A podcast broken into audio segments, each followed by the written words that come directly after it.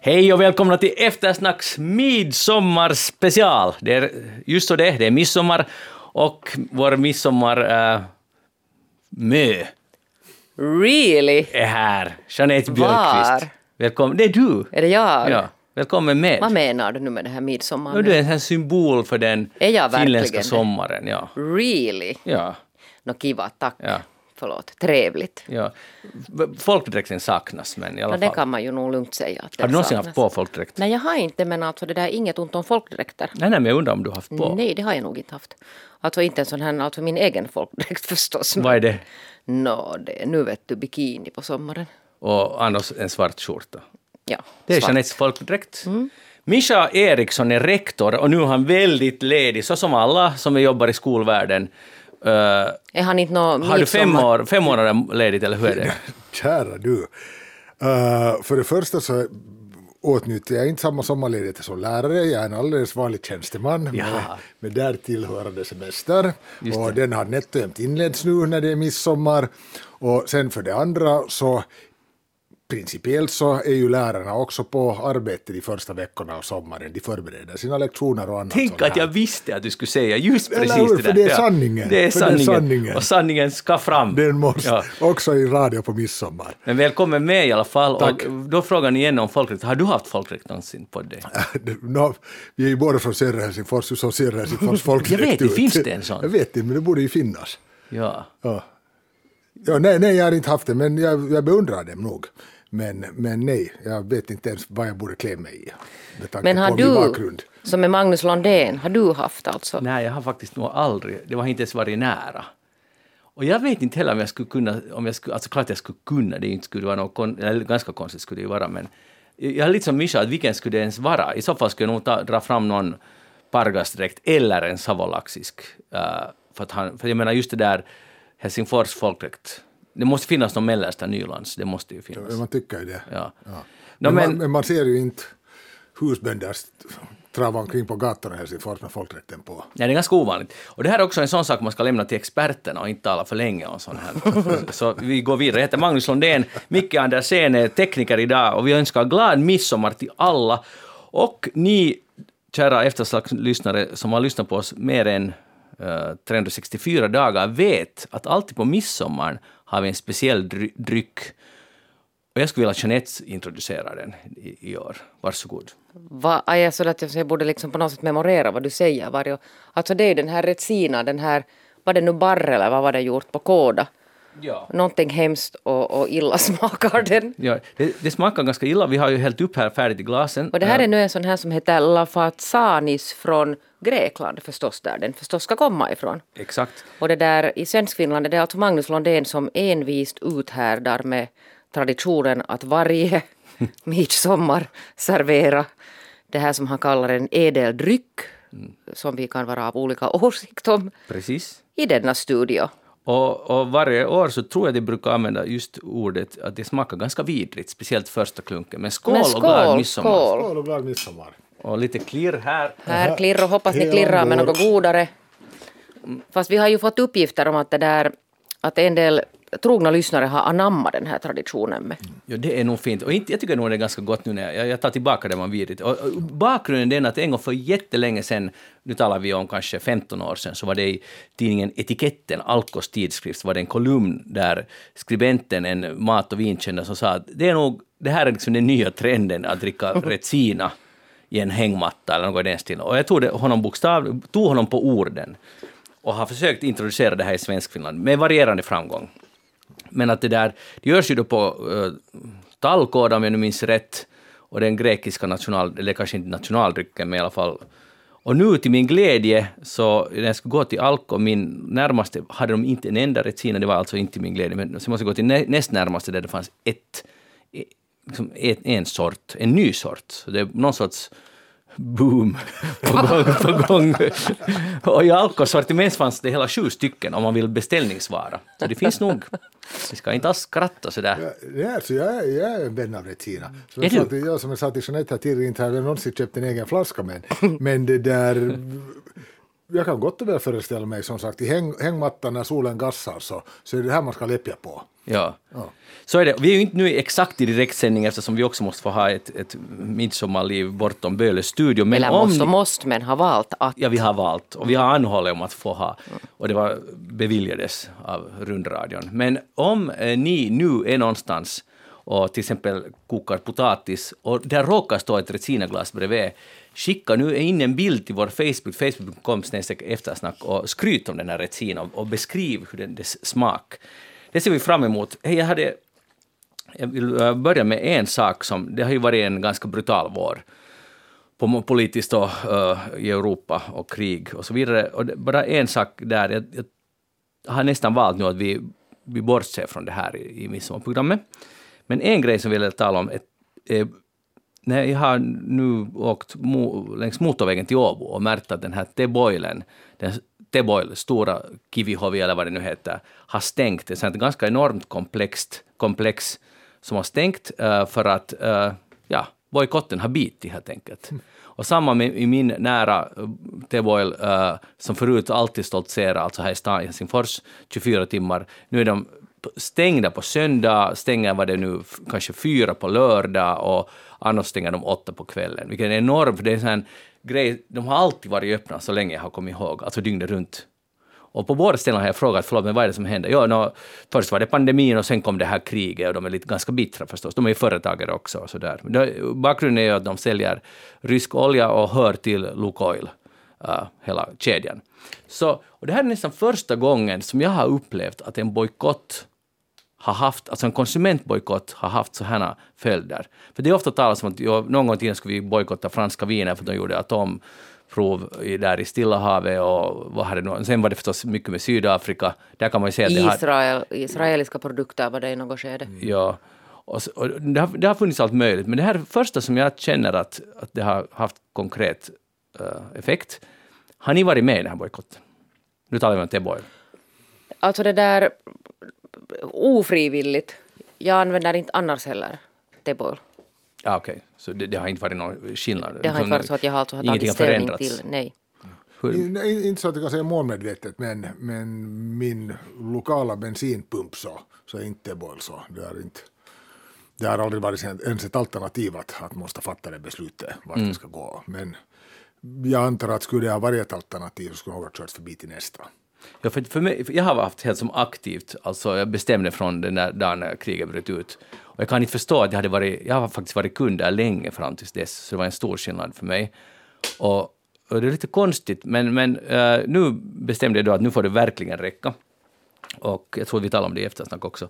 Men ändå är jag lite så här kluven, för sen när man ser de där, hon den här stackars tanten som jag var där typ näst sista dagen det var öppet, sista last woman standing där i Kivihovi, det är enorma komplexet och man bara tänker liksom hur otroligt det är att allting stänger, förutom apoteket som blir kvar, men där är en stor butik, den stänger. Där är en uh, Subway, den stänger. Där är en Hese, den stänger. Och sen själva den här stationen stänger också. Ja. Det är ju en hel del ringar på vattnet. Andra som liksom indirekt drabbas av det här, eller hur? Jag menar alla de här, de här företagarna som du, som du räknar upp här nu, men men vad gör man? det här är ju låter kanske lite krasst att säga det framförallt på midsommarafton men man kan inte laga en omelett utan att krossa några ägg som det heter. Mm. Och, och, det där, och I det här fallet så är det ju tyvärr liksom lite sådana mycket tyvärr sidooffer som, som drabbas av det här också. Ja, jag, jag, också, jag, jag kan helt spela på att det kan inte hjälpas. Ja, alltså, menar, ja. Det är ju någon, någon har valt det här ryska staten har valt den här vägen. Så. Men sen kan man ju hoppas att de här företagarna som alltså inte är direkt kopplade, alltså det vill säga till exempel restaurangföretagarna, det finns ju mycket restaurangföretagare, eller fanns där i Kivihov, jag kommer inte ihåg någon sån här no, prylbutik också. Alltså. Ja, där är lite sån här souvenirbutik. Ja. Men, Men att är... de kan alltså flytta till något annat ställe, att de hittar ja. en annan lokal och kan fortsätta sin verksamhet, för konkursen ska vi ju inte åt någon. Nej, nej. nej men, det, men det är ju naturligtvis inte speciellt enkelt det heller, men där har du etablerat dig och, och din kundkrets vet precis var du är. Och för att inte sen tala om att det är ju, det är ju en knutpunkt den här Tebollen där vid Åbovägen. Så det är hemskt lätt att stanna där och sen fara och plocka upp en souvenir på väg vart man Och den är mitt emellan. Eller hur? Den är liksom perfekt ja, passerad. Exakt. Så, så det här att säga att flytta på er så det är nog kanske det, det är lättare sagt än gjort. Ja, det är det säkert, men jag menar, jag hoppas att det är så här Det det, går, vi, att de ja. söker sig. Ja. Men, men det här är nu konsekvensen. Att det, igen, det kan inte hjälpas, det är ledsamt för dem. Men på, i, den stora bilden är en helt annan. Och då tycker jag inte synd om Teboil på det sättet. Det om det. Hej, ehm, det är ju nu, sommaren är här och, och, och folk odlar och håller på. Och jag skulle fråga er, att, har ni några odlingsplaner nu för det här? Varför skrattar ni sådär? Nej, alltså, jo och nej. Jo, alltså jag, det, det, det, först och främst är det lite för sent. Ja, no, det, no, det är sant. Okej, vad har ni på gång? Vad har vi på gång? Alltså jag följer mycket noga med att min frus chiliplantor är i skick. Är det din frus? Ja, inte ja, nej, så hon tar hand om det för mig. Så det är hon som har den gröna tummen i vår familj, vilket jag är mycket tacksam för. Och förra året så fick vi en alldeles anständig liten chiliskörd, men sen i, i förvaringen så gick det åt pipsvängen. Så Mhm. jag är mycket mån om att vi ska få en minst lika bra skörd nu i år och likaså också de där chilierna som vi skördar, att vi sen ska kunna njuta av dem under hela hösten. Hör du, har, har ni tagit från frön eller har ni köpt plantor? Plantor. Ja, det, det är ju att, att odla chilin från frön, så det är ju en enorm process. Du måste komma igång i januari, februari. Ja, jag vet. Ja. Och jag har försökt. Har du lyckats? Nej. Ja, exakt. Det det. Så vi tog plantor. Det kom lite upp lite grönt därifrån och sen... Ja, sen slognade de. Ja, sen slog det. Jag vet inte varför, men man måste tydligen vara väldigt liksom, noggrann och så Ja. vidare. Men ehm, ja, eh, det är ju det att jag läste en sån här tidning som heter då Kloka hem, Vi älskar eko. Och här är då nog trenden, jag har nog läst om det på andra, sätt, ställ, andra ställen också, det här är vad jag tänker satsa på det här året. Bokashi. Vad är det?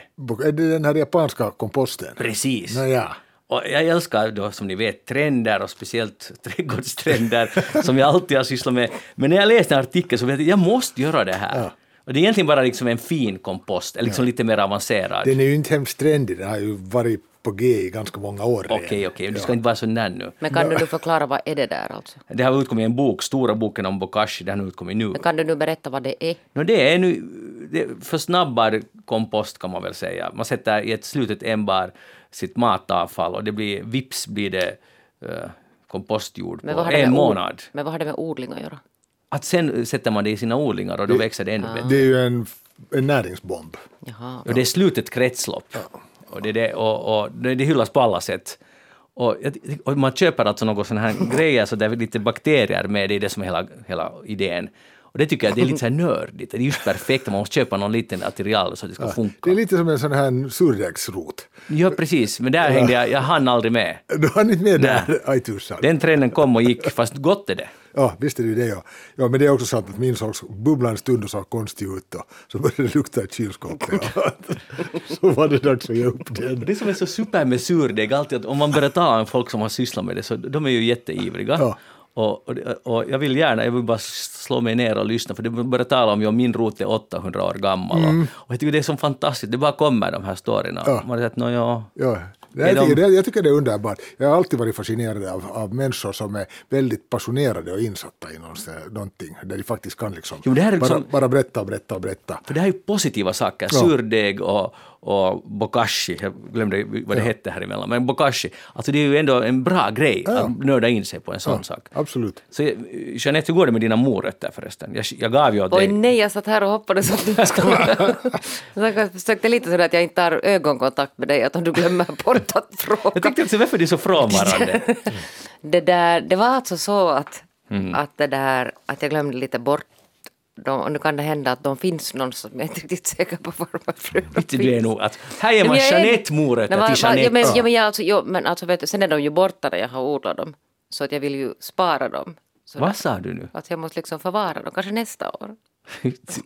det här är helt... Jag, jag borde bli kränkt, Mischa. Nej, en liten smula nog. Det är, alltså, jag, jag menar, det är som vilken gåva som helst som du inte nätt och jämnt packas upp. Men vadå, alltså, jag uppskattar fröna också. Och Mischa, faktiskt häromdagen så tänkte jag på dig, för jag stod, och hoppas jag har nu rätt, men jag stod där och bevattnade mina så här buskblåbär som jag skulle påstå att du har gett åt mig. Absolut, ja, för några år sedan. Och där, ja, de lever och mår bra. Har, har de Men gett har skörd? Nej. Inte? Men, nej, de har inte, men jag har vattnat dem idag. Alltså Arma inte idag. dagar, hur är det möjligt? Jag vet, förstår för den här plantan är helt välmående. Ja. Och Är du snygg. säker, är du Men säker har på inte jag dina... hämtat något päronträd åt dig? Har du, var det du som gav päron?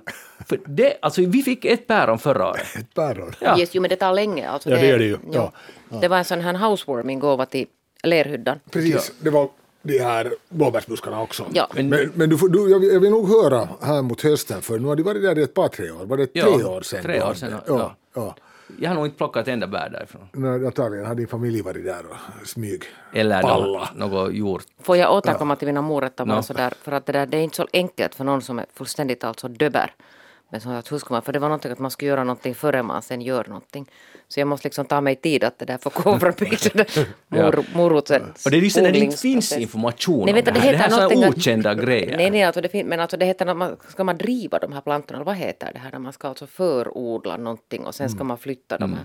Du, du kan väl, jag är ju inte heller någon expert, men jag skulle påstå att du kan förodla dem hemma Jo, men- så jo, att de men- klarar frosten. Jo, jo, men ser du bara en sån här sak som att förodla är för mig alltså ett, Mm. det, det är liksom ett, Det är vad man gör med chilina redan i januari. Jo, men ser du, jag håller inte Ta en på klunk med Retsina så blir det bättre. Jag håller inte på med chili.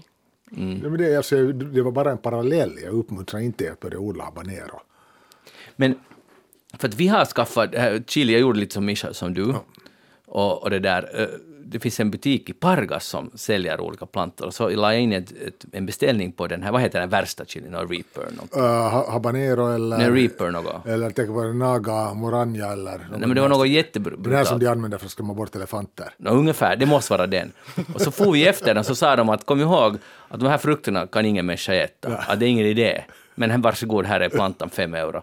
Och, det, och nu frågar det, vad ska man göra med den på riktigt? Jag tycker det var lite coolt, men vad gör man? Skräm bort elefanter. Ja. Ja, det är alltså nu det tillräckligt utspädd. Jag har en, hemma en, en chilisås som är gjord på den där. Och, Ja. det, och det är så här att det räcker med en droppe i maten. Och, och de Är det flesta, så? Ja, de flesta äter inte av den. Att Den, är- den, den är på riktigt. Men det här är så japparnas grej, eller vad? Eller va? Ja. ja visst är det Ja. det. Ja. Men är det mera kvinnor surdeg, killar chili? Nej, nu måste det väl finnas en del Stockholm-hipsters som, som sysslar med sur, surbröd. Ja, ja, Ja. no, det måste ju Ja. finnas. Ja, ja. Men, men det, det, är ju, det är ju lätt att dela in det på det här sättet. Men nu har jag ätit goda chilimiddagar också i kvinnligt sällskap. Så att jag har... Sånt har hänt än. Ja. Mm. Men det är ju alldeles klart, jag menar, det är, säkert så finns det en viss sån här, hur ska vi kalla det, dominoeffekt av det här. Men alltså, Jeanette skulle så vilja vi tala om annat, men en sak är, för det som är lite frustrerande med odlingar, att vi har då odlat potatis, och det är, ju, det är ju magiskt att tänka att det kommer upp mat från jorden. Alltså nu är det ju ganska otroligt att se det så att säga med egna ögon, att det inte är en bluff. att sånt händer. Men det som är konstigt är att hur lite det kommer. Alltså det är ju några middagar så har det där som man kämpat med hela sommaren är slut. Ja. Så man borde ha en åker. Ja, ja så jag, någon skede redde jag ut vad det för några år sedan, hur stor potatis, hur stor potatisland du borde ha för att hålla en familj, åtminstone en lång sommar i Nippe. Ja. Och nu var det ungefär en par 300 kvadrat. ja där ser man. Ja, en 10 gånger 20 meter åtminstone. Så det är inte så lätt att bli självförsörjande. Nej, nej och jag menar då talar vi sommar och nypotatis bara. Men sen om du sen ska kunna fylla din rotkällare med den och, och allt annat du ska hålla dig vid liv under vintern så. Så det är nog lite inbildning det här att man ska vara en sån prepper och odla allt själv. Det liksom kommer inte att fixa Ja. sig. Squash däremot får man ju ganska mycket av, har jag märkt. Ja, det har jag inte odlat men det kommer helt groteska mängder, men det börjar ju smaka lite trä sen så småningom. Jeanette, vill du att vi- ska gå vidare? Nej, pratar ni på bara. jag tycker att det fina här, jag sa att jag nämnde den här chilin, att det var någon mansrelaterat. Nu är de här två killarna i studion sitter och diskuterar odlingar och kvinnan i sällskapet är helt sådär wow. Ja, det är ju lite så. Det är nog... Vad ska man säga, Jeanette? Men det Eh, kan hända att det brukar vara tvärtom många gånger. Det kan vara. Jag hoppas att de där... Jag kräver att de där morötterna ska odlas. De ska odlas. Nästa år. Jo, men jag måste alltså det där reda ut det här att, att vart ska man sätta dem? Okej, bra, bra. Jag ska inte säga så I mycket mer. mull. Jo, men i eh, vadå liksom? är- Sen måste man, Eftersom det är midsommar och, och Resina-traditionen här- härstammar från etiketten så tog jag, nappade jag nyaste etiketten som jag tycker om, den här Alkos tidning. Alko har ju fått my, mycket kritik nu när de har börjat sälja mycket alkoholfritt ute på olika festivaler. Vad tycker ni förresten om det? Är det inte lite storm i ett vattenglas? Ja, det, förstås är det det, men Ja. vad tycker du om det? Inte om stormen utan om, Nej, om- om saken. Om, jag ser inte något större problem med det. Jag menar, det är ju, nu, nu säljer de ju blandis också. Att du får ju jättefina tonicvatten från alkohol du vill ha det till din GT. Måste vi nu outsourca det här till, till närmaste supermarket och de ska bara säl- sälja ginen. Men Jeanette, läste du argumentet som också var bland annat på vår Facebook-sida om att, att alkohol har ett monopol och så ska de komma och blanda sig också i det som de inte har monopol i. Eh, att det är liksom orättvis eh, konkurrens med vanliga butiker och kiosker.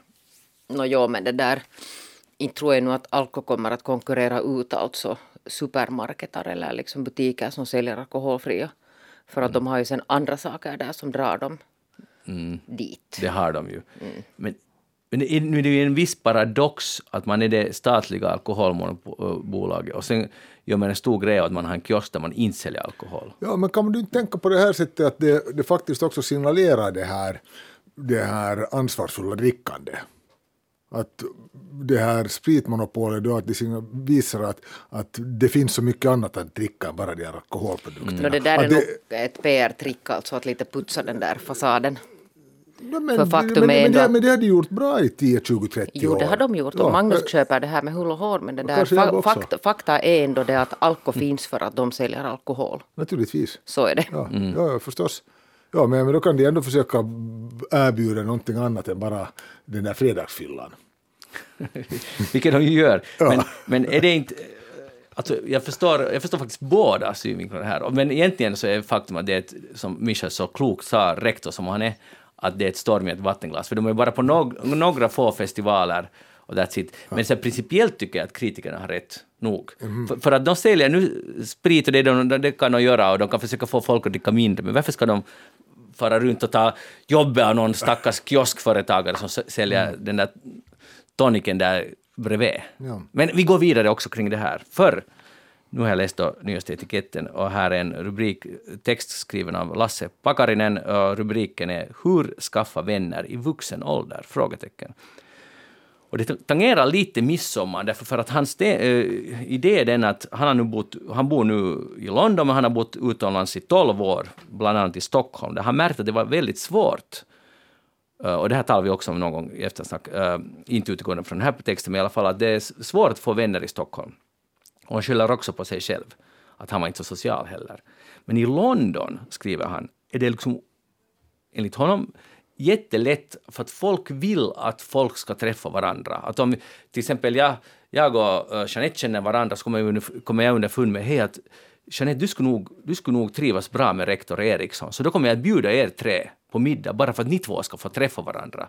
Och bara för att ni, ni verkar vara sådana som... Alltså min känsla är att ni skulle kunna eh, synka med varandra. Och nu talar jag inte om romantik, utan bara att ni är som vänner och eller kollegor eller vad som helst. Och att det ordnas många sådana här tillställningar i London. Man går hem till folk på middag eller går ut och så vidare. Och han är inte säker på att det här gäller hela London. Han talar om att det kan vara det bara i hans egen bubbla. Men han hyllar det i alla fall. För det finns så många ensamma människor, till exempel i vårt land och säkert också i Sverige. Och folk är inte så intresserade eller vågar inte umgås speciellt mycket. Och nu tänker jag på midsommar, att, att det är ju ändå en social tillställning för de flesta i Finland. Ser ni midsommar som en sån? Jo, förvisso.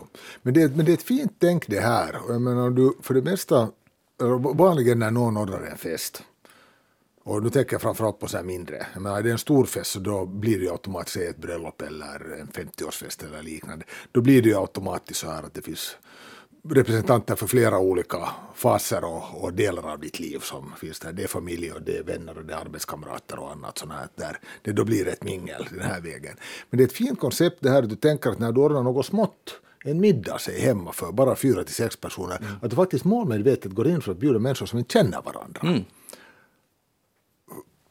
har, inte, jag, jag har hört det här lite tidigare, men liksom att faktiskt ha det som en, som en det där ledstjärna. Att nu ska vi på riktigt nu försöka, försöka det där, se att vad händer när de här personerna som är intressanta och fiffiga och trevliga, när de ett tu tre får börja byta tankar med varandra istället för de här. Men vanligen är det ju liksom de här som man har sett om och om igen. Och, och Sen vet- skolan. Ja, precis. Man vet precis vad det kommer att Det är hemskt trevligt. Och man vet inte bara vad de kommer att säga, man vet också vad man själv kommer att säga. Eller hur? Ja. och det, och det, det är jättekul, men det är underbart och avslappnat och det är ju rena rama, rena rama myse i kubik. Men, men det här att faktiskt liksom gå in för det här att okej, att nu ska vi se, att vad slår det för gnistor i de här sammanhangen? Jag har faktiskt ett, ett par gånger, utan att ha läst den här kolumnen, alltså tidigare i livet gjort det där. Hemma hos oss. Jag, jag kan inte skryta för det, men kanske två gånger på 50 år. Men mycket lyckat båda gångerna. Ja. När man just tänkte vem skulle passa ihop och vem borde träffa varandra. Det funkar ganska bra. Jeanette, skulle du kunna tänka dig att midsommar f- göra en sån här koncept? jag- Nästa midsommar? Om jag skulle vara alltså den som på något sätt hostar den här tillställningen så absolut och inga problem. Alltså jag brukar ju till julen alltid samla ihop en massa människor Okej, som inte känner varandra. hos oss. Nå, nu känner de varandra nu för tiden men inte har de ju alla känt Mm. varandra från början. Men tycker ni att det är svårt att få eh, nya vänner i vuxen ålder? Det där... Mm, det, det är det nog säkert på, på någon nivå men det där, hans, hans problem är väl det där att om man har flyttat någonstans för då är det ju faktiskt alltså dubbelt svårare eller kanske ännu svårare än så.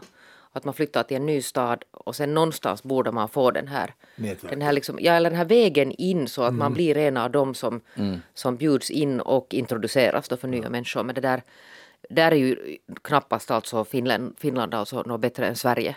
Eller Helsingfors något bättre än Stockholm. I det här att man liksom släpper in Nej, knappast. människor, nya människor. Jo, det där klassiska, klassiska tricket som du alltid viftas med i det här sammanhanget är att gå via hobbyn eller, eller annat sånt här, eller arbetskurser eller motsvarande. Att du ska ta dig in och, försöka hitta, hitta det där människor med lite motsvarande intressen och på det här viset bryta isen och så vidare. Men, men det är nu inte alltid heller som man har. Jag menar, om man nu tänker, menar, en av mina favoritsysselsättningar är att sitta och läsa. Så ju Nu ska du gå till biblioteket och titta att finns det någon Nej, annan som nej, sitter det och läser. alltså, matter of fact så är en av de bästa sätten, jag menar, det, det händer ju alltid när du sätter dig ner till exempel på en, på en pub och beställer en öl och sätter ner med en bok så inte tar det många minuter förrän någon sätter sig ner mitt emot och frågar vad läser du? och, då, och, och då vet man om att det, då är den lässtunden, den är Nu förstörd. tog den slut. Ja, Ja, ja. Men du fick en pratstund Jag fick en istället. pratstund istället, det kan Men- vara hemskt trevligt det också. Men. Är det nu inte alltså lite att det där, man kan ju jämföra det här med att, att försöka hitta en ny partner i vuxen ålder. Så det är ju inte alltså var finns de här arenorna på något sätt där man möts naturligt. För att det, det kan ju hända också att, att det känns lite sådär liksom motigt att, att söka upp en hobby för att man behöver en vän.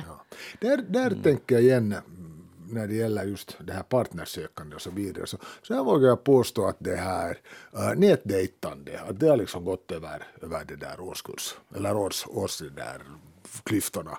Att jag tror att ung, ung som gammal är alldeles beredd att, att det där skäms inte över att, att gå Nej, ut på nätet så är det. Men det ja. borde finnas sen något motsvarande för vänner. Men det finns, det kanske det finns Alko har startat. Är det sant? Eller de har varit med och Jag startat är att- fredagssamtal. Ja, och faktum är att jag tror nog att det finns andra sådana här alltså kompistjänster. Vi hade i vår lokala Facebookgrupp en gång, alltså den där, alltså lokala, då talar jag om stadsdels, alltså där är massa för varandra okända människor, man bara bor alltså på samma.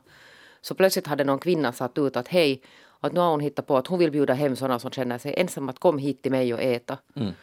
Och, och sen, jag vet inte sen hur det gick det här men jag antar att dit gick sen alltså en massa. För att till exempel om man är nyinflyttad då från någon helt annan ort så kan det hända, vad vet jag om där uppstod sen något vänskaper. Alltså Ja. helt, sån här, helt neutralt, alltså inte någon sån här relations... Kaverisovellus.fi finns faktiskt i Finland som Alko också på något sätt med i. Det står i den här samma Okej, tidningen. så. Så det, det är på gång. Det är liksom alltså Tinder för, för vänner. Ja. Så, så Det är ju finns. utmärkt. Ja, strålande. Hej, eh, ja, det är ju faktiskt då midsommarafton, så var är ni just nu? När det är fredag och klockan är Klockan är nu halv fyra. ja, halv fyra, lite över halv fyra. Nå hör du, nu hoppas jag att jag sitter på en varm klippa. Nu kan jag inte säga om vädret, men jag hoppas att jag sitter på en varm klippa i Pargas skärgård, Knivskär, tillsammans med Anna-Lena och våra familjer.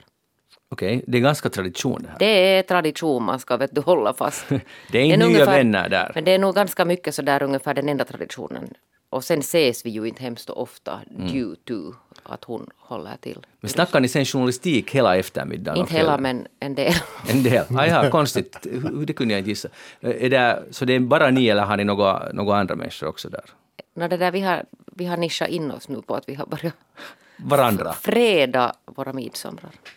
Men det där, så har det varit nu de senaste åren för att det där, vi behöver också få kvalitetstid. Nu, nu, just det. Och kockar du? Vi lagar tillsammans. Kockar du? Jo, jo, jag är ju med där med det där. Vi brukar få, Anna-Lenas mamma brukar fixa sån här lokal, helt alltså nyupptagen nypotatis som vi tar med oss dit. Det låter ganska bra. Mycket finlandssvenskt på ett positivt sätt. Bra. Mischa Eriksson, du är, får gissa, är du i Chimito? Absolut, absolut. Ja, men det blir lite nytt stuk i år på det sättet att jag sitter säkert just nu med halmhatt på i min båt och puttrar söderut till min goda väns stuga där i söder om Rossala. Och vi har, han har haft ställe där redan i 10-12 år någon den här stilen och vi brukar turas om att, att det agerar värdar på midsommar. Men förra året var det vår tur och i år är det alltså hans tur att, eller hans familjs tur att agera värd. Och det är första gången som jag far med min nya träbåt Mm. på midsommarnöje. Är den ny fortfarande? Nå, för mig är den ny ännu några år. Just det. Jag kommer, Var det för två år sedan? För ett år sedan. Ett år sedan. Ett år sedan ja. Hur, hur har det gått med den? Jo, det har gått bra. Det har ju varit en, en, en arbetsintensiv vår. Betydligt, eller inte, inte kanske mer arbete än vad jag trodde att det skulle vara, men, men det tog längre tid för det var mycket sånt som man måste lära sig via helen. Som, som ja, jag menar helt enkelt, liksom, allt, allt var ju första gången. Men det var en, det var en, en några kallsvettiga timmar när jag sjösatte den, för jag hade nog gjort allt helt enligt boken och, och det där försökt svälla upp den inifrån med fuktiga trasmattor och sånt här. Men sen när jag sjösatte den så kom det in så mycket vatten att det höll på att rinna in i gummistövlarna. Va? Ja, ja. Och det lär nu vara liksom alldeles, alldeles vanligt, men det var ändå något av en chock när jag första gången märkte det. Men det kan man ju förstå. så, ja. så det där, så jag måste dra upp den på en sån här ramp, lutande ramp så att den inte skulle sjunka och så slår jag på alla pumpar och så väntar jag. Och så väntar jag, så väntar jag och sju, åtta timmar senare sköt pumparna ut mera vatten än vad det kom in. Och sen på morgonkvisten så körde den till bryggplatsen och sen var den helt spick and span. Alltså, vänta, vad, vad är det den här? Alltså, ska det, Ja, den, den, alltså, den sväller. Den sväller? Ja, den, den, den, torkar under, under, när den är upptagen så blir det sprickor där i borden. Eller sprickor mellan borden. Och, och det där. Och det, det kom in Alltså, vatten. jag, alltså, jag förstår inte. Som jag sa när du ska, alltså, jag, jag tycker att din båt är otroligt snygg. Tack. Jag har ju åkt med den och Ja. det var en, ett nöje. Men jag skulle aldrig skaffa en sån själv. Det är ju liksom, där sitter du med en grej som höll på att sjunka just. Ja, ja det, var, det var lite oroligt där Ja. en stund. För det var första gången. Men nästa år blir det bra, för du Jo, vet jo. att det är så här det ska vara. Ja, precis. Men det var nog, som sagt, det var så lite att fundera en stund att tusan måste lyfta upp den nu igen och, och det där, låta den vara i där trasmattorna en stund till. Men bra gick det. Mm. Ja. Och det, det tar ingen skada, alltså det är bara trä. Alltså, ja, det, nej, det är nej, ingenting, nej, nej, ingen skada. Sen fanns det ju ingen så, elektricitet som tar skada. nej, ingenting sånt som, som alltså det, det hann inte upp till motorn eller något i den här Nej. stilen. Och, och där. Alla de här elkablarna är ju skyddade på olika sätt. Men, Visst, ja. visst, visst. Ja, men bra. Ja. Och, och, va- och, och maten då? För det är det som vi vill veta. Men nu är det väl traditionellt. Nu är det väl nypotatis och sill och rökta, olika rökta och gravade fiskar och, och potatissallad och sånt här. Mm. Är det så här du gör allt själv? Eh, Jag tycker om att göra potatissalladen själv. Det är nog ganska sen- viktigt. Den är mycket, mycket viktig. Men sen så, uh, det här gravande och rökan så gör jag inte. Om inte sen handlar om abborre. Mm. Då fixar jag med lax och sik och sånt här. Så det får jag inte så mycket och, och den blir nästan bättre när man köper det färdigt. Mhm. Och så röror, gubbröra och annat sånt här. Skagenröra och annat gott dör också till. Tänker ni aldrig, ni är tydligen båda nypotatisvänner, Tän- tänker ni aldrig att ska vi skippa det det här året? Nej. Här- Alltså jag tycker inte att du ska säga något sånt högt. Förlåt, jag vill bara, jag ville bara provocera nej, hela nej, svensk nej, film. nej, absolut. alltså jag, jag, det där, jag äter inte midsommar för, ö, förlåt, nypotatis före midsommar. Men sen måste det. Ja, alltså, sen, alltså, det är ju det är säsongsöppning. Och på det här sättet garanter, garanterar man att man får kvalitetsnypotatis också. Mm. Det finns ju alltid den här risken om du tar det tidigare att det är någon sån här vattnig snabbuppdriven. Hemskt. Jo, jo, alltså, det, så kan vi ta det. det, är, hem- det, är, hem- det är fruktansvärt. Är det? Jo, jo, men jag såg att det fanns, i maj fanns det egyptisk nu. Ja, ja, Nej. ja, och det blir man bara arg av. Ja. Ja. Ingenting mot Egypten, Nej, men inte ska de komma in med sin putis. Nej, inte i maj. Inte ska man ju flyga in ny potatis från Egypten, det är ju inte okej alltså. Nej, där, där går gränsen. Ja. Hej. Allt annat i Rajat, världen ki- kan rajat med. kiinni. Ja, ja. Hej, just det, Rajat Kini. Bra. Bra. Äntligen en liksom vettig innebörd för den där frasen. Ja. Uh, Jeanette, jag hade gett dig en uppgift för det här, vår midsommarspecialare. Jeanette Had you, Björkqvist alltså. had you really? Ja, jag hade bett dig i alla fall att du skulle berätta vad du tänker göra den här sommaren. Vad Ah, har ja, du liksom för det. vision? Det där... det där, vad har jag månne sagt i fjol? Har jag sagt i fjol att jag ska... Jag, vet, jag, jag kan berätta vad du sa i fjol, året för det, året för det, året för det, året för det och så Att jag ska vidare. ta det lugnt. Att nu, nu ska du ta det lugnt. Du ska Just. faktiskt nu ta Men det det ska lugnt. jag verkligen inte göra nu, för nu ska jag jobba. Ska du som jobba en nu? idiot. Ah, Ja.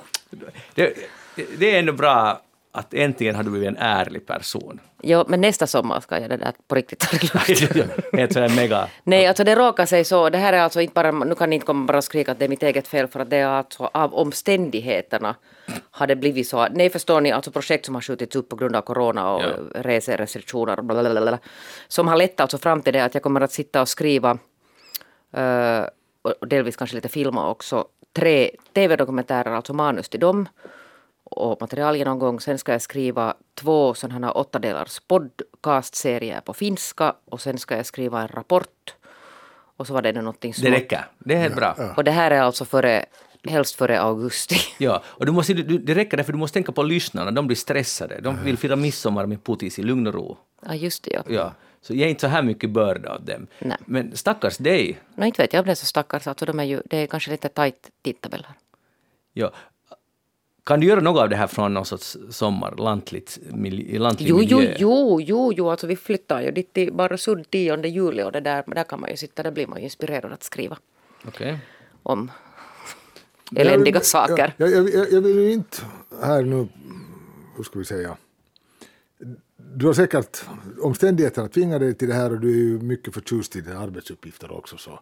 Men känner du inte ibland, Ja. att, det skulle, ja, men känner du inte ibland att det skulle vara alldeles kiva att bara gå ut och plocka smultron? Jag skulle verkligen, hör du, det var det vad jag hade önskat mig. Ja. Men jag du- såg redan tidigt i våras att det här kommer att barka åt, åt det där. Men kunde du då liksom göra någon panikbromsning? Det Nej. finns en nödbroms. Nej, förstår ni, alltså när tåget satta i rullning, så det där, de här är sådana tåg att de rullar på. Ja, Där finns ingen nödbroms. Det finns inte. Alltså, det här är saker som nu måste fås till ända för att jag ska kunna vara ledig nästa sommar.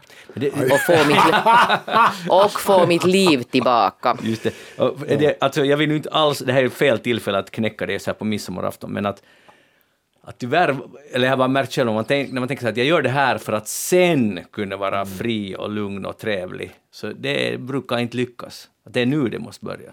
Nej, jag säger så här, alltså jag känner mig, alltså det här är, de här, det här tv-dokumentärprojektet är kanske, sen när det här är gjort och över, jag har hållit på två år, har det här tyngt mig. Så sen får jag tillbaka mitt liv. Yes, det ser vi fram emot. Kom, hej, är det så att eh, vi, vi har ju nattsnack den 15 juli, Ja. som är en fredag. Då ska jag ha ledigt. är det liksom från här. mellanrapport då? Eller är det slutrapport då? Nej, slutrapport är det nog Då är det verkligen. bara fem dagar från så att semestern har börjat. Ah, det är sant. Alltså semester i någon situation. Nej, men jag ska faktiskt ta det där, sådär kanske tre dagar ledigt efter midsommar. No, nej, det är ju helt sjukt. Och resa till Sverige med min vän och min dotter. Nåja. Okej, men eh, sen när vi har första eftersnack i någon gång i augusti, så då får man väl fråga hur det gick. Ja, då får man. Och då hoppas jag att jag kan säga att nästan allt är klart. Bra. Då, vi ser fram emot det här och vi ser också fram emot nästa sommar. Ja, det gör jag också. Sommar 2023, då Jeanette kommer att vara en...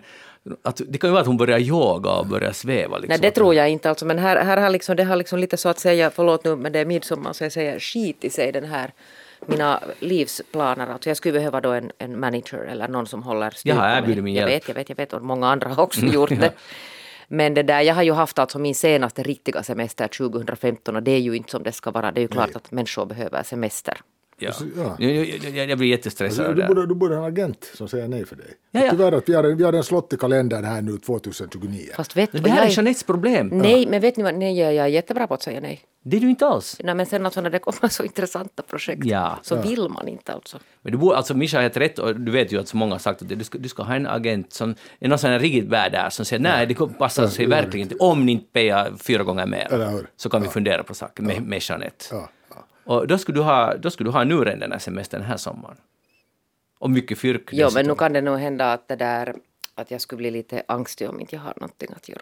Det, det, alltså, det, Kanske inte så här där, mycket. det där är en illusion. Kanske inte så här mycket, men Det där är- liksom en helt sysslolös så då kan man ju bli stressad. Nej, nej, nej, nej, det där är en illusion. Det är helt samma, menar, Magnus och jag, vi har gått många, många det där kilometrar i våra ungdomar, säkert också på gamla dagar med ryggsäckar på ryggen. Mm. Och ni vet precis, menar, nu knägar man på, nu går det där kilometrarna med den där ryggsäcken på. Men först sen när du tar av den och du liksom nästan så här studsar fram i mossan så märker Ja. du hur tung den var. Ja, vilken fin liknelse. Tack? Mikael Tack. Eriksson. Det var en bra, det Mischa. ska vi alla ta till oss. Och vad Ja. ska Mischa göra i sommar? Ja, just det, berätta du vad du ska göra. Vad nå, jag hade ju sett fram emot en, en lång, och, lång och underbar båtsommar. Men nu har ju bränslepriserna gått ganska Mm. ilsket upp så det var ju dålig timing att köpa en motorbåt måste jag säga. Ja, men det har blivit säkert... Och det var ju inte helt billigt redan från tidigare. Nej, det var det inte, men nu har det ju stigit med 50-60 procent, 60-70 procent, Mm. de här bensinpriserna. Så, så jag får kanske liksom lite skära ner på, på det vad jag hade föreställt Och det som Mischa, du måste köpa nu norsk olja, du får inte gå och köpa någon rysk. Jag skulle inte falla mig in Nej, bra. köpa. Var, var inte orolig. Fortsätt. Nej, men, men det där det jag lite hoppats, men det får göra en smula avkall på, även om det nog förstås ska, ska utnyttjas. Men nu är det väl lite standard, jag vill läsa mycket, det vill jag alltid. Sen ska jag på ett par, en, en inhemsk och en utländsk resa. Och sen så, Men vart ska du resa? hördu, jag ska till, upp till Tammerfors, dit Queens konsert flyttade. Den var ju tidigare i den här forna Hartwall-arenan. Men i och med att den nu är i tung bojkott så har den här konserten flyttat upp till, till det där till Tammerfors, vad heter Ratina eller vad heter det? Ratina, ja. Ratina där. Och jag ska faktiskt, det är första rockkonserten jag ska på med min dotter och det ska bli roligt. Tufft. Ja, det, hon, är en, hon är en stor Queen-fan sedan många år tillbaka.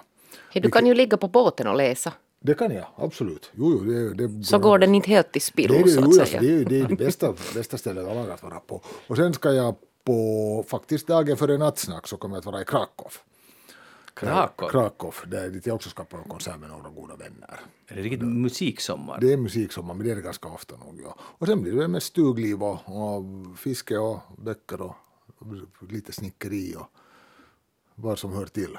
Ja. Ja, Men eh, kom ihåg att träprodukterna, plankorna har också blivit dyrare. det är ju det, ja.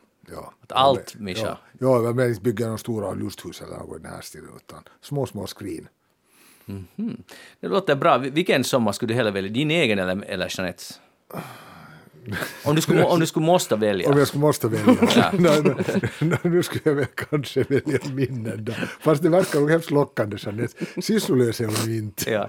Alltså, om jag skulle måste välja mellan er två så Oj vad nu du hör du sådär som att du ska fundera, vad ska du själv göra? jag skulle nog välja Michas. Nå ja, ja, men vad ska du själv göra Magnus Jag ska Lundén? fightas med myggor i Savolax, där jag just, vilket jag just nu gör på midsommarafton. Det där, ehm, vi har ju då stuga där och tyvärr är den, har vi liksom inte riktigt fattat, inte ens efter all, jag har varit där varje sommar sedan jag tror jag föddes, har jag inte fattat, det är ju just nu det är som mest myggor där. Så man borde egentligen taktikera och komma i slutet av sommaren och i början av sommaren. Jag var nog där i början av juni, men så det, det, och det, det är bra, för där kan jag leva det där Michal-sommarlivet. För att det är någonting, jag var där i juni, och det är någonting som händer när jag kommer dit, för det är på en holme. Och uh, förstås har jag en dator med och så där, och jag kan jobba där och så det är inte det, men det är mycket lättare att inte jobba där. Förstår ni? Det finns, det finns, och det är någonting att det sitter i från barndomen, för då läste vi väldigt mycket, det fanns absolut ingenting att göra, det är det som är hela grejen, att det finns inget inga yttre liksom grejer. Man kan gå i skogen, man kan ro man kan paddla och det gör, jag, gör vi också. Men vad jag vill komma till är att, att det är fascinerande hur mycket lättare det är där för mig att bara ligga och läsa, ligga på bryggan och läsa. Ja, Och, och det är så underbart och hur viktigt det är. Och, och det här menar jag just för att jag lever ganska mycket sånt Jeanette-liv annars, jag jobbar ganska mycket. Och, men det här är det stället där det lyckas att, att ha just i det där. Ja, och, det, och, det, måste förhållas på det här sättet Ja. också. Att jag har nog gjort en poäng av att när det gäller mitt egen stuga så jag tar aldrig med arbete dit. Att jag sticker hellre en halvdag tidigare än jobbar där. Just det. För jag menar, det, det, det får inte bli det här stället där du upplever att det bakom en dörr finns ett lite dåligt samvete. Mm. Eller att du sitter på verandan och, och där knegar på och tittar ut och tänker att jag skulle mycket hellre vara där. Men du kan få inte därför för att du har det arbetet med dig. Ja, för, ja, men jag, har inte, för jag tycker, samtidigt tycker jag att det är ganska trevligt att jobba också på landet. Alltså, nu talar jag inte om det här Savolax, utan när vi är i Pargas, så där kan jag helt ledigt på lerhyddan jobba. Jag tycker att det, man tittar ut, det är ganga harmoniskt, det är mycket roligare än att vara i stan. Och på något sätt ändå bättre. Men jag förstår vad du menar, det är lätt att det blir så här som en fälla, att man, jag är på landet men de facto är man helt i jobbträsket. Det är lite sad det också. Men, men att jo, att sånt, det ska jag göra. Så jag har, men jag har inte så mycket andra ambitioner, inga resor. Eh, jag har den där uh, kombuchan, eller nej inte kombuchan, vad heter det? Den här komposten. Den har jag. Och sen skulle jag vilja lite bli bättre på att fiska, för jag är ganska usel på det. Jaha. Och det tycker jag är ganska pinsamt. Vi lever ju vid havet trots allt och vid sjön. Ska du lägga nät eller svirvla? vad som helst eller att jag får mat därifrån. Ja. Då börjar du med nätterna. Är det så? Ja. Just ja, det. det är nästan det Men lättaste. där finns experter, jag må- måste anhålla om kurs. Ja, så, eller, du ska du bara hitta den rätta platsen och sen ska du ha en bra roddare. Ja. Eller sen så är du en bra roddare. Jag är ganska bra rodd. Nej, i så fall. Ja, men, men jag skulle ändå vilja, alltså, tycker ni det är lite konstigt, eller jag, jag förstår, du fiskar ju Mischa, Ja. men nu är det lite konstigt att, att till exempel jag far till butiken och köper fisk. Jo, jo. Ja, Men det är så, lite så ska vi mystiskt. inte ha det. Jag menar med de här abbo och filépriserna. jag Ja. menar, Det ibland sitter du och tittar på din tallrik, färsk nypotatis, egenuppdragen abborre, plockade kantareller och så vidare. Och det skulle vara en, jag vet inte Håkan hur mycket det skulle kosta på Savoy om du skulle beställa in en sån. Mm. Och där har du plockat upp i din egen närmiljö. Och just att den finns där. Ja, ja, ja. Där är den. Ja. Den väntar på det. Ja, ja. Fishen ja men, det, väntar. men, men alltså jag ser fram emot att få höra rapport, fiskrapport. Nu har jag lovat så mycket. Ja. Vad tycker du är viktigare, den där komposten eller fiske? Fiskande. Jeanette? Men vadå det ena ute, så den där komposten lät ju inte så hemskt komplicerad. Det är bara att- Går du med ditt manus bara, vet du? Men det var ju alltså, vad var det, ett äm bara och sen några bakterier dit och så lastar du Ser du som inte saker har fått ett morotsfrö i jorden? Men hallå, behöver du stå och vakta den där komposten sen hela tiden? Sen, sen medan den alltså puttrar på där så är du ute och fiskar. Titta nu, det, Och det kallas fylla- alltså hur man använder alltså sån här ajanhallinta. Fiskrens gör hemskt gott i en sån här kompost. Jo, där hörde du nu. Hör du. Så jag är bra på att det där sätta upp så att man är, använder sin tid effektivt. Det, det är du säkert, eller det är jag säker på att du är. Hej, eh, jag skulle vilja tala om midsommar som tillställning. Och inte bara den ni firar i år, utan så här traditionellt, liksom historiskt. Är det förknippat med liksom positiva minnen? Alltså, tycker ni om midsommar? Och inte bara att nu får ni sitta med typ någon partner eller någon god vän och äta potis just idag, men också titta bakåt. Vad, vad är midsommar för er? Jag det där älskar midsommaren för att den är, den är ju liksom sommarens fest och jag älskar sommaren. När den är solig. Ja, ja jag menar, jag, när jag tänker tillbaka helt mina personliga upplevelser av midsommar, så nu var det den här tillställningen på sommaren där hela familjen var samlad.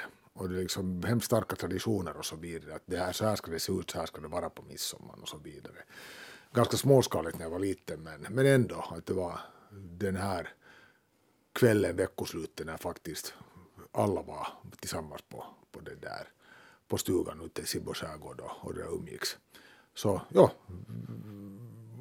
ur det perspektivet en, en, det där, en fin och viktig. Och sen så att jag gillar ju sommar också, men ska vara riktigt noga så tycker jag mer om augusti än, än om juni. Nej, det är nog helt fel. Det är nog helt fel. Alltså, Men det där, jag har ju firat också många midsommar i stan och jag älskar midsommar i stan också. Varför?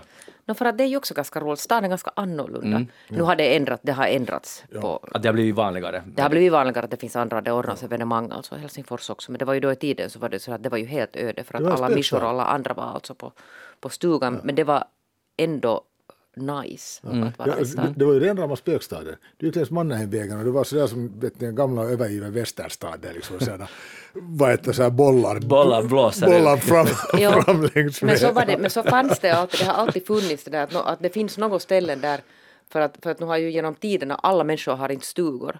Så fira alltså och samlats någonstans. På födelsen var man ju ganska Nå, ofta på där och sen parker och stränder och Ja. Hietsu och såna. Ja. Alltså, Jetsu, det, har ju, det är ju ganska... Alltså, jag, jag råkar vara där. Och Jeanette, du, du har ju haft arbetsrum där ganska nära. Något. Jo, jag har Du har fortfarande. fått, Nåja, alltså, det är ju, man skulle inte riktigt tro att det är Finland. Det är en enorm hela den här sandstranden. Jag har varit där väldigt sällan. Mm. Och, och det är ju knappt att de har några kläder på sig de här. Om Beachvolley. Beachvolley och det, det är ganska, vad ska vi säga, intressant miljö. Men alltså det där på en sandstrand så brukar man ju regel Ah, det är så länge där- sedan jag var där. Man har inte Ja. ylletröjor på sig på en Nej. badstrand så Nej, men vad jag menar är att, att, att, att man kan ju faktiskt leva sandstrandslivet i Helsingfors. Jo, det kan man. I Väldigt- Töle. Ja, och i många andra ställen också. Så att det, det, det finns många alternativ. alternativ. Men med midsommar för mig så, jag tycker att de där bästa midsommarna, och också de värsta, är just den där, som jag minns det i alla fall, låt oss säga från 16 till 30 i, i den åldern. Till exempel just när du talar om Barösund så har jag haft den typ sämsta midsommar ever i Barösund. Alla far någonstans, ingen vet vad som ska hända, man sover i en skåpbil. Det finns absolut inget program, bara jävligt mycket sprit och folk som är arga. Och det är ju alltså helt ganska tvärt emot vad mission borde vara. Ja. Och, och, och sen kommer polisen och jagar bort den. Det, var det roligt? Nej, det var inte roligt. Men sen, just om man bor på något, minns bara vi man har tältat någonstans på Åland eller varit på någon karnevaler någonstans. Det är otroligt, det där känslan när klockan är fyra på morgonen och sitter vid havet. Det finns ännu folk som är vakna, alla är ganska glada, det är ljust. Alltså det är ju helt, jag blir helt, alltså det är helt fantastiskt. Finland som bäst. Ja. Det, som är, eh, det är det som är fördelen, att man är själv väldigt rolig och alla andra också jätteroliga. Ja, lite som bröllop, det är ju också en glädjens fest för det mesta. Ja, För det det beror mesta. på vem som gifter sig. Ja, det beror på naturligtvis ja, men... Och på ja, men- gästerna. Och på familjerelationer. Jo, men jag har nog inte varit på ett enda, enda SM-bröllop. Har, har du inte varit? Ja. Nej, då i och för sig, det är sen där, ja okej, vi behöver inte gå in på det. Hej, är, är ni optimistiska av er? Ja. Sådär riktigt i grunden? Ja, absolut. Och hur tar det sig uttryck? Uh, jag har inte något större problem med att ta mig an, an där nya, nya projekt och utmaningar. Jag ligger hemskt sällan vaken om nätterna och oroar mig för hur saker och ting ska gå. Jag ganska på gott humör för det mesta. Att det här ska ju greja sig.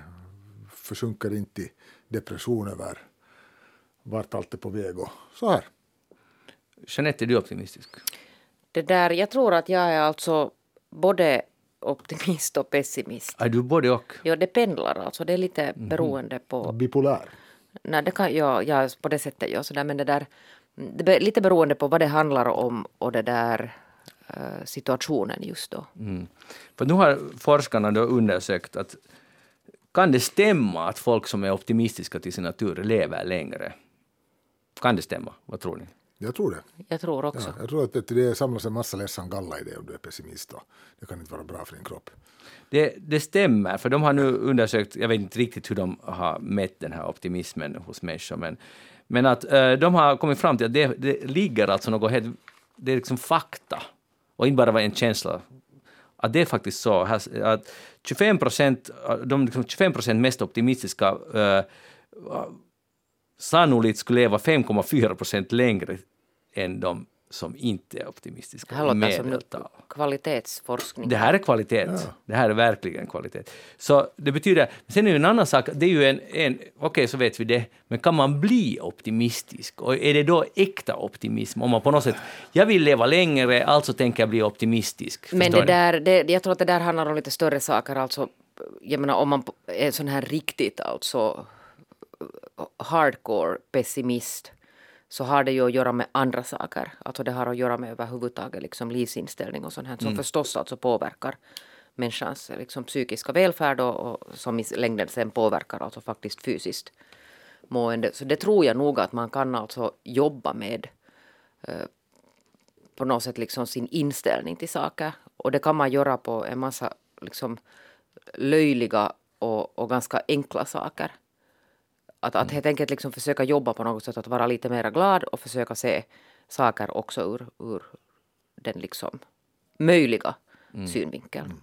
Tror du mycket på att man kan, och ska man ens försöka förändra sig? Om man, om man märker att jag är nog lite för pessimistisk. Ja, det, det tror jag nog. Sen en annan femma hur det går. Att, uh, jag är nog en, för det mesta ganska misstänksam mot just sådana här kletiga självhjälpsböcker och annat sånt här med tio steg till att, Ja. att bli hurtigare och gladare och optimist, mer optimistisk och så vidare.